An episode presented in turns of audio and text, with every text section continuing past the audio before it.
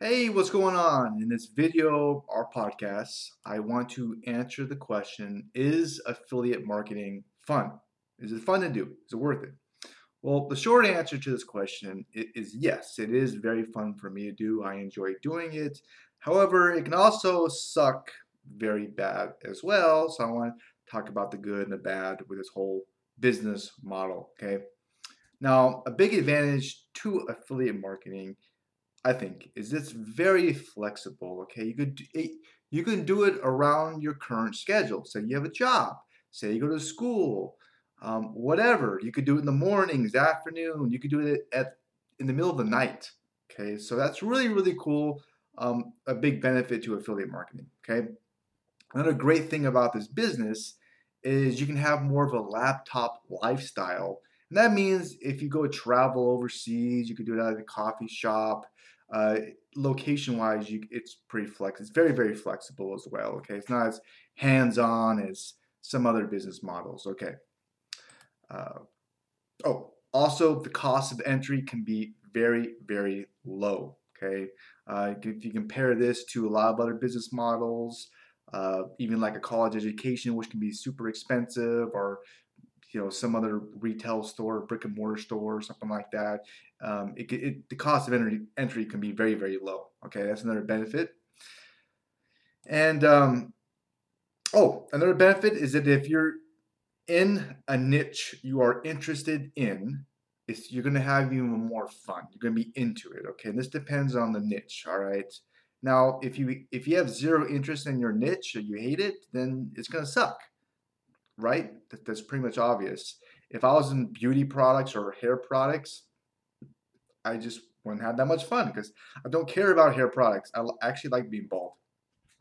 Right. So here's another thing I want to think about. Okay. If you just want to make some money online and you're like, I don't know what niche to get into, I'm, I'm completely stuck. One idea is just stick with the make money online niche, right? Well, why? Well, because you're going to learn how to make money online. Um, and you're going to share what you learn with other people and it's going to keep you interested okay? Because you're sharing what you're learning. It just it just goes together. It just does okay? So it's just an idea okay? All right.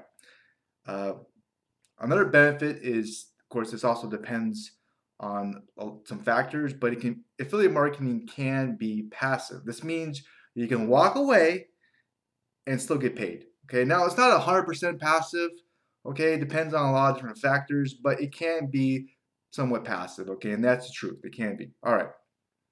So these are some of the positives of affiliate marketing off the top of my head. I'm sure there's others as well, but those are some of the big ones I want to share with you. So let's talk about some of the negatives, okay? The, the, the negatives and how affiliate marketing can suck. Okay. Well, the biggest negative, I really think this is a big negative with, with this business, is they can be very confusing confusing, and there's a lot of noise. So what do I mean by that? Well, um, especially if you're just starting off, there's a lot there's a lot of options. You know, there's drop shipping, there's Amazon, JVZoo, ClickBank, just tons of choices, right? Do you need a website? How about an autoresponder? How should you get traffic? When do you send out messages, promos? You know, how do you find promos? I mean, there's just a lot of confusion. It, it can be confusing. Okay, there's a lot of choices and there's a lot of noise. Hope that hopefully that makes sense. I think that's a big negative with this business. Okay. So how do we get around that negative? Um, well, here's an idea. Just focus on what is important and forget about everything else. So what is important? Okay. Well, it's growing your list and knowing what to do with a list. Those are the two big things in his business. Everything else isn't nearly as important. Okay? Uh, these are the two things that you need to have to make money. Okay? Now, the good news is, is you can partner with somebody who is very good at this business and piggyback on their success. All right? This means you could use their list, use their promos, and still make very, very good money. Now you might be wondering, what is good money? Well, uh, you can keep 100% of the money up front um, on the front end products and make $1,000, $2,000, $4,000 per sale on the deep sales towards the end. That kind of gives you an idea.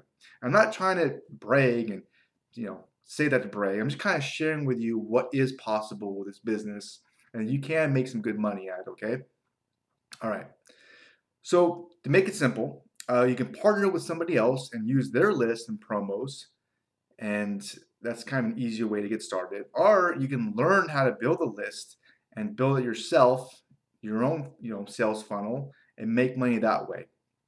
Um, I just want to stress that you got to get these two parts right because they're the foundation of this business. Okay, and if you get them wrong, uh, you're just not going to make a lot of money. Okay, that's the truth. Okay, it really is. All right. Um, and the last part of this business really should be traffic, okay? And the fun part about traffic is there's lots and lots of ways to get traffic, and you can choose what you like and what you don't like. That's how many different ways of traffic there are. Uh, do you like videos? You can get a lot of traffic with videos. Um, there's tons of different video platforms, not just YouTube. I'm, I'm, actually just starting to learn about that TikTok thing app, and you know, obviously there's IGTV, and there's a lot of things you can do with video. Okay, podcasting. Do you like Pinterest? Well, you can get, you can get a lot of traffic with Pinterest. Okay, uh, do you have a Facebook account? Do you like going on there and talking to people?